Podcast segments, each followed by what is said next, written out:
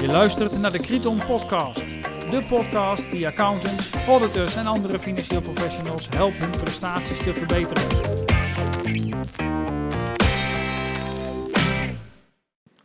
Welkom bij de zevende aflevering van de Kriton Podcast. In deze aflevering gaan we het hebben over Ken je klant. Mijn naam is Remke van der Akker en ik ben adviseur en trainer bij Kriton. En mijn gast van vandaag is mijn collega Pieter Mansvelder. Pieter, welkom. Hij is oprichter eh, van Kriton en die oprichting was alweer in 2006. Op dit moment ontwikkelt en verzorgt hij trainingen op met name het snijvlak van audit and assurance en kwaliteit. En bij dit laatste kun je dan ook denken aan vaktechnische consultaties en het stelsel van kwaliteitsbeheersing. Hij schrijft daar ook blogs over en ook mede de, een van die blogs is de reden dat we hier nu samen gaan uh, zitten uh, rondom de nieuwe herziene standaard 315. je hebt daar een soort routeplanner voor gemaakt om het wat praktisch te maken voor ons als accountants. En die route loopt langs drie sporen. Ehm, ja, wat kun je daar in aanvulling op de blog, wat kunnen we daar om mee af te trappen, aanvullend nog over toelichten? Nou, ik denk, Remco, dat je uh, kunt zeggen dat de nieuwe standaard 315 goed inzichtelijk maakt hoe belangrijk het is om um, in, in, in hoge mate van detail te weten um, wat je klant precies doet. Uh, jij zei in je introductie al uh, dat we het gaan hebben over ken je klant. En nou, dat heeft natuurlijk ook een, een, doel, het kennen van je klant. En het doel van standaard 315 is um, je werkzaamheden zodanig uitvoeren dat je op een goede manier uh, de risico's op afwijkingen in de jaarrekening kunt inschatten. Nou, daarvoor is een hele grondige en gedetailleerde kennis van je klant nodig. En dus een van de belangrijkste sporen van die standaard is ja, het spoor waarlangs je die kennis opdoet. Kun je dat zien als een soort hoofdspoor? Uh, of is dat, doe ik dan de andere sporen tekort? Nee, je doet de andere sporen niet tekort. Het is wel het hoofdspoor. Het is het spoor van, ja, je zou kunnen zeggen waarop je vertrekt mm-hmm. en waarop je ook telkens weer terugkomt. Uh, er zit in de herziene standaard een aantal uh, ja, uitstapjes naar de twee andere sporen, waar ik zo meteen iets over zal vertellen. Ja. En elke keer zul je zien dat je vanuit die twee andere sporen weer terugkomt bij, uh, ja, bij eigenlijk de, de, de, een van de, van, van de belangrijkste um, aspecten van die standaard. En dat is echt het, het, het doorgronden van wat er daadwerkelijk allemaal bij je klant gebeurt. Oké, en, en waarom uh, moet er dan een herziene standaard komen? Doen we dat dan nu onvoldoende als accountants in de auditpraktijk? Ja, er zijn verschillende redenen waarom de standaard is herzien. Uh, het traject om de standaard te herzien is al jaren geleden in internationaal verband opgepikt. En um, het heeft, mm, vooral, heeft met twee dingen vooral te maken. Het ene is um, dat de, uh, een aantal zaken in de, zeg maar de, de, de, de oude uh, standaard 315 moest worden verduidelijkt, omdat -hmm. dat gewoon vragen opriep in de praktijk. Het tweede is dat we merkten dat in de praktijk um, verschillende accountants uh, onder min of meer dezelfde omstandigheden, voor zover daar sprake van kan zijn, maar eigenlijk tot, tot een andere risico-inschatting kwamen. En okay. um, nou, dat is natuurlijk niet helemaal wenselijk. Uh, je zou theoretisch moeten kunnen stellen dat als meerdere accountants voor dezelfde situatie, dezelfde onderneming, dezelfde jaarrekening een risico-inschatting uitvoeren en hun controlewerkzaamheden gaan plannen, dat dat in grote lijnen op elkaar zou moeten lijken. En ja, dat bleek toch niet helemaal het geval te zijn. Dus wat die standaard vooral ook beoogt, naast verduidelijking, is om uh, dat proces van risico-inschatting, ja, als het ware, wat, wat meer handen en voeten te geven en te objectiveren. Oké, okay, en wat is daarin dan uh, de belangrijkste aanpassing? Of wa waarin krijgen accountants nu meer handen en voeten? Nou, dat begint al met het gebruik maken van inherente risicofactoren, zoals dat zo mooi heet. Ja. En dat betekent eigenlijk dat je voor uh, uh, alle, nou ik noem het maar even kort, alle belangrijke onderdelen van de jaarrekening, posten uit de balans- en de winst- en verliesrekening en toelichtingen, ehm, nagaat per daarvoor relevante bewering aan de hand van vijf inherente risicofactoren uh, of sprake is van een verhoogde kans op een fout, op een afwijking in zo'n uh, in zo'n post of in die toelichting. En, ehm, en of uh, misschien zelfs wel sprake is van een significant risico. Dus een hele hoge kans op een fout. um, dus dat is wat, uh, wat, wat langs dat ene spoor um, gebeurt. En waarbij de standaard eigenlijk heel, ja, heel goed voorschrijft hoe je, hoe je die vijf inherente risicofactoren daarbij kunt gebruiken. Oké, en, en is het nog uh, handig om even die vijf inherente risicofactoren kort te benoemen? Of, of, is, of is dat, wordt het dan een heel uitgebreid uh, verhaal, ja, wat we misschien nog een uur onderweg zijn in deze podcast? Nee, we kunnen ze, we kunnen ze kort benoemen. Ja. Um, het zijn eigenlijk ook vrij voor de hand liggende factoren. Je, moet daar, je kunt erbij denken aan subjectiviteit. Mhm. Bijvoorbeeld, hè. dus welke posten zijn nu echt onderhevig aan subjectieve oordeelsvorming? Nou, dat denk je natuurlijk direct al aan schattingsposten. Zeker. Of posten die gewoon heel moeilijk uh, te meten zijn. Mm -hmm. als je er goed over nadenkt, dan bevat elke jaarrekening heel erg veel van dat soort posten. En uh, daarnaast um, is complexiteit een inherente risicofactor. En dan moet je ook weer denken aan allerlei vormen van complexiteit. Dat kan zijn complexe wet en regelgeving die geldt voor de klant of die bijvoorbeeld geldt voor de verslaggevingsvoorschriften rondom een specifieke post.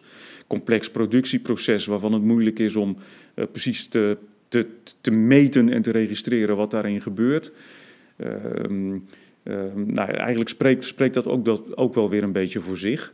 Um, verandering.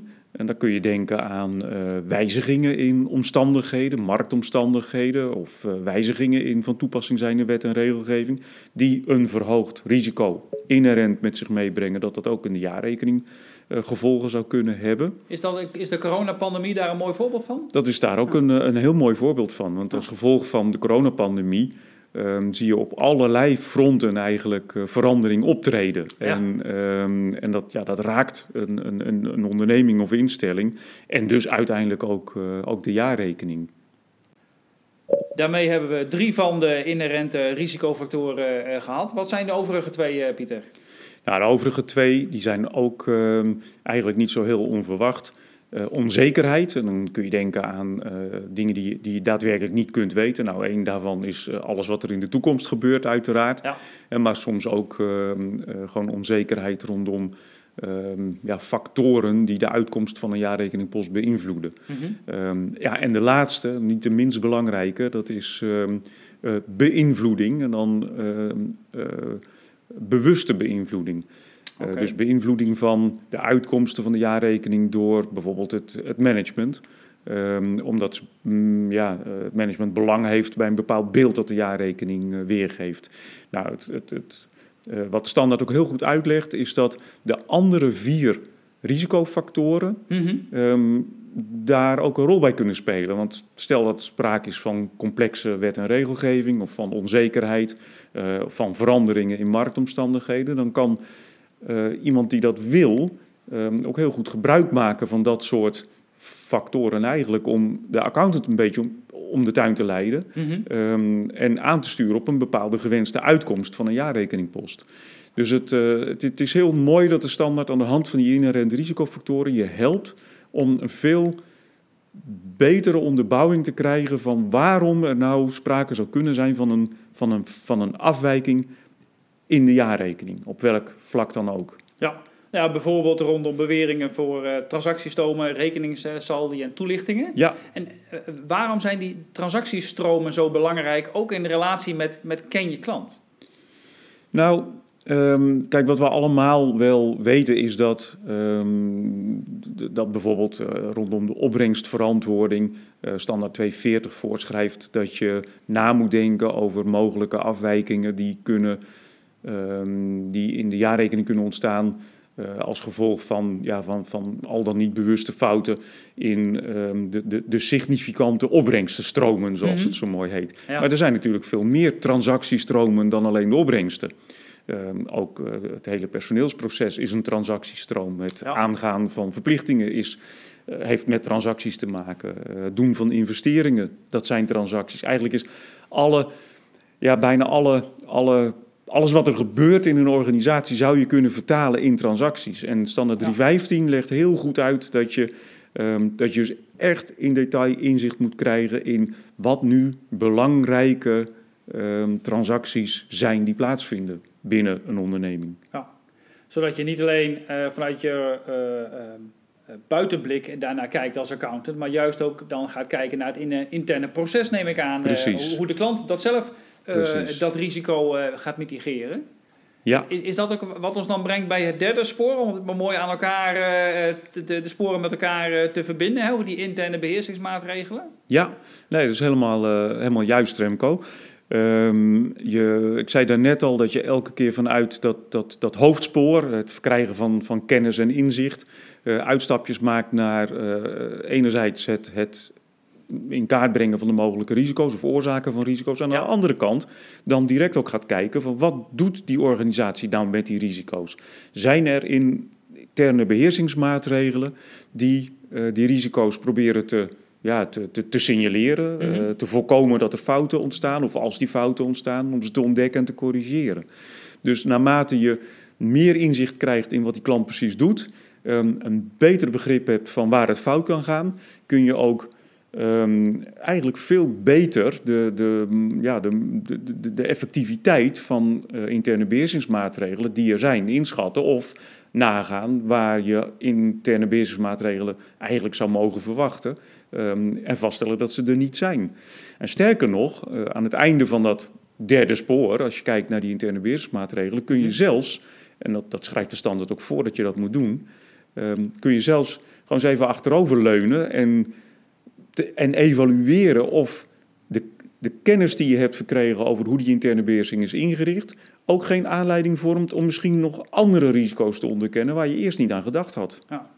Ja, en het voorbeeld wat mij dan te binnen schiet is... waarom heeft een klant een bepaalde beheersingsmaatregel genomen op een vlak of op een onderdeel... waarvan wij dat misschien niet zouden verwachten of minder logisch zou zijn... en wat dat misschien aanleiding geeft tot meer risico's voor ons als accountant om stappen op te ondernemen. Ja, het bijstellen van je risico-inschatting inderdaad... en het nog, uh, ja, nog uh, uh, ja, concreter en effectiever plannen van de werkzaamheden die je gaat uitvoeren, gericht op, uh, op die risico's. Ja. ja. En ik denk dat past ook wel mooi in die vergelijking van, van hoofdsporen naar zijsporen. En ook dus eigenlijk weer van voor en weer van, van voor naar achter, maar ook weer terug. En ja. het, het, het, wordt een, een groter geheel, als ik het zo mag, mag samenvatten. Ja. Nou, precies. En, en, en wat, uh, ja, wat, wat je hier ook wel uit af kunt leiden, is dat. Um, de, de situatie waarin je misschien aan ja, bijna al bij de start van een, van een opdracht denkt Um, ik, ik, ik weet wel ongeveer hoe het zit, welke risico's hier in de jaarrekening een rol spelen en uh, of ik wel of niet kan steunen op interne beheersing. Ja, dat die vraag helemaal niet zo makkelijk en zo snel te beantwoorden is als dat we soms wel eens denken. Ja. Je moet nu eenmaal deze drie sporen helemaal doorlopen. Um, en, en dan aan het eind daarvan uh, kom je misschien wel tot de conclusie dat, ja, dat je het aan de voorkant uh, redelijk goed in beeld had. Ja. Maar je kunt die die stappen niet meer overslaan. Nee. Dus dat is wel een belangrijk gevolg van deze nieuwe standaard. Dat je echt inzichtelijk moet maken hoe je die sporen doorloopt. Ja, precies. En dat je eigenlijk, als je al het sporen hebt gevolgd, dat je eigenlijk nog een, ik zou bijna zeggen, eh, de, de vergelijking klopt niet helemaal, nog even een rondje om de kerk moet. Nog even een keer weer terug naar ja. het begin, hè, eh, eh, terug naar start. En dan, dan nog weer kijken ja. inderdaad welke risico's ja, de, de standaard, je gemist hebt. Dat klopt, ja. ja. En de standaard uh, bouwt in dat opzicht ook een paar uh, evaluatiemomenten in, letterlijk. Oh, okay. Dat zijn echt terugkijkmomenten. Dus waarbij je, um, waarbij je verplicht moet nadenken of de informatie die je hebt verkregen tot op dat moment jouw aanleiding geeft om eventueel nog um, zaken die je, uh, conclusies die je getrokken hebt, om die te herzien. Ja. En die zitten heel nadrukkelijk in de standaard, zijn voorgeschreven. Het moet ook blijken uit je dossier dat je dat gedaan hebt. Ja, oké. Okay. Um, heldere toelichting. Wat mij nog uh, um, waar, waar, ik nog wat nieuwsgierig naar ben, en het zal ook een open deur zijn, hè, we zitten natuurlijk in een steeds meer geautomatiseerde omgeving. In hoeverre krijgt alle IT en ook uh, uh, uh, automatisering een rol in deze nieuwe, of in ja. deze herziene standaard? Ja, dat is, als je nou vraagt van wat valt nou direct op als je naar de herziene standaard kijkt, dan is dat de standaard echt IT ademt. Hij is ja. van voor tot achter um, helemaal geschreven vanuit het perspectief van een geautomatiseerde uh, omgevings, geautomatiseerde gegevensverwerking. Ja. En, en dat kan ook eigenlijk niet meer anders. we leven in, nou, bijna in 2022. Ja. En er is niet één organisatie meer die geen gebruik maakt van geautomatiseerde gegevensverwerking of geautomatiseerde processen. Of die onderdeel uitmaakt van een keten waarin automatisering of IT een belangrijke rol speelt. Ehm, en dat benadrukt deze standaard heel sterk. Ja. En het gaat enerzijds om de betekenis, de rol en betekenis van IT voor het businessmodel van de organisatie. Ja, en anderzijds ook uh, heel sterk uh, over de rol en betekenis van IT in het informatie- en communicatiesysteem en de interne beheersing. Ja. Ja, en ook daar komen weer die sporen weer terug. Hè? Zie je dat ook inderdaad weer terug. Het businessmodel is natuurlijk echt de grondbasis van ken je klant. Wat doet je klant? En, uh, en dat je dat ook als accountant Ehm, voldoende snapt uh, om daarmee je, je, je controle goed uit te zetten. Ja. Uh, ja, helder. Nou, dat, dat biedt al. Uh, en we kunnen hier denk ik uh, nog heel lang over hebben. Over, dat zijn, we hebben nu alleen maar de highlights over de sporen natuurlijk met elkaar besproken. En ik denk dat het goed is voor nu om het, om het af te ronden. Want we kunnen op elk spoor kunnen we nog dieper in. En op het hele proces kunnen we dieper in. Zeker op het IT-vlak nog, nog wat dieper in. maar ik denk dat het voor ken je klant. En in ieder geval ook voor de aftrap voor dit onderwerp um, goed is om op dit moment um, ja, af te ronden. En dat we vooral ook gaan kijken, uh, ook in de komende periode voor accountants, hoe kun je nou met deze herziene standaard aan de gang? Want moeten we er nu al mee aan de gang als accountants? Nou, het is zo dat de standaard geldt voor boekjaren die aanvangen op of na 15 december van dit jaar, 2021. Ja. Dus dat betekent in de praktijk meestal boekjaren die beginnen per 1 januari 2022. Ja. Um, maar Um, dat voel je misschien ook wel aankomen. Ik denk dat in heel veel dossiers die uh, gedetailleerde informatie, zoals ik die net beschreef, uh, nog niet helemaal aanwezig is. Ja. En je kunt dus heel goed de lopende controleperiode uh, gebruiken om alvast ervoor te zorgen dat je die, die, ja, die kennis bijspijkert, die informatie verzamelt en dat je een hele goede start kunt maken voor het, ja, het, het verkrijgen van, van inzicht ja. ten behoeve van de controle over 2022. Helder verhaal, Pieter, en bedankt voor je brede kijk op ken je klant en je praktische handvatten hoe je je klant ook echt kunt leren kennen op basis van de herziene standaard 315 en hoe je dit vastlegt in onze dossiers. Je klant beter leren kennen, niet vanuit gezelligheid, maar vanuit de vaktechniek en de inhoud. Jos Burgers, spreker en auteur van managementboeken over andere klantgerichtheid, heb ik ooit in een presentatie horen zeggen dat klanten gek zijn op oplossingen, maar ze hebben het liefst geen problemen. Je zou problemen ook kunnen zien als risico's. En dan helpt het ons als accountants om problemen te voorkomen door de risico's zorgvuldig en systematisch te identificeren en in te schatten. Dan kunnen we de respons daarop effectief plannen en uitvoeren. En dat geldt niet alleen voor werkzaamheden om tot voldoende en geschikte controleinformatie te komen, maar ook voor de werkzaamheden van de samenstellende MKB-accountant, die immers vertrouwt op de gegevens van de klant, tenzij. Wederom bedankt voor het luisteren en graag tot de volgende aflevering. In de komende afleveringen blijven we aandacht besteden aan het overkoepelende thema Ken je klant. Of voor interne accountants, overheidsaccountants en accountants in business, ken je werkgever. Een belangrijk item voor accountants in welke rol je ook actief bent. We gaan aan de slag om dit abstracte thema een concrete invulling te geven, zodat jij als accountant betere prestaties kunt leveren.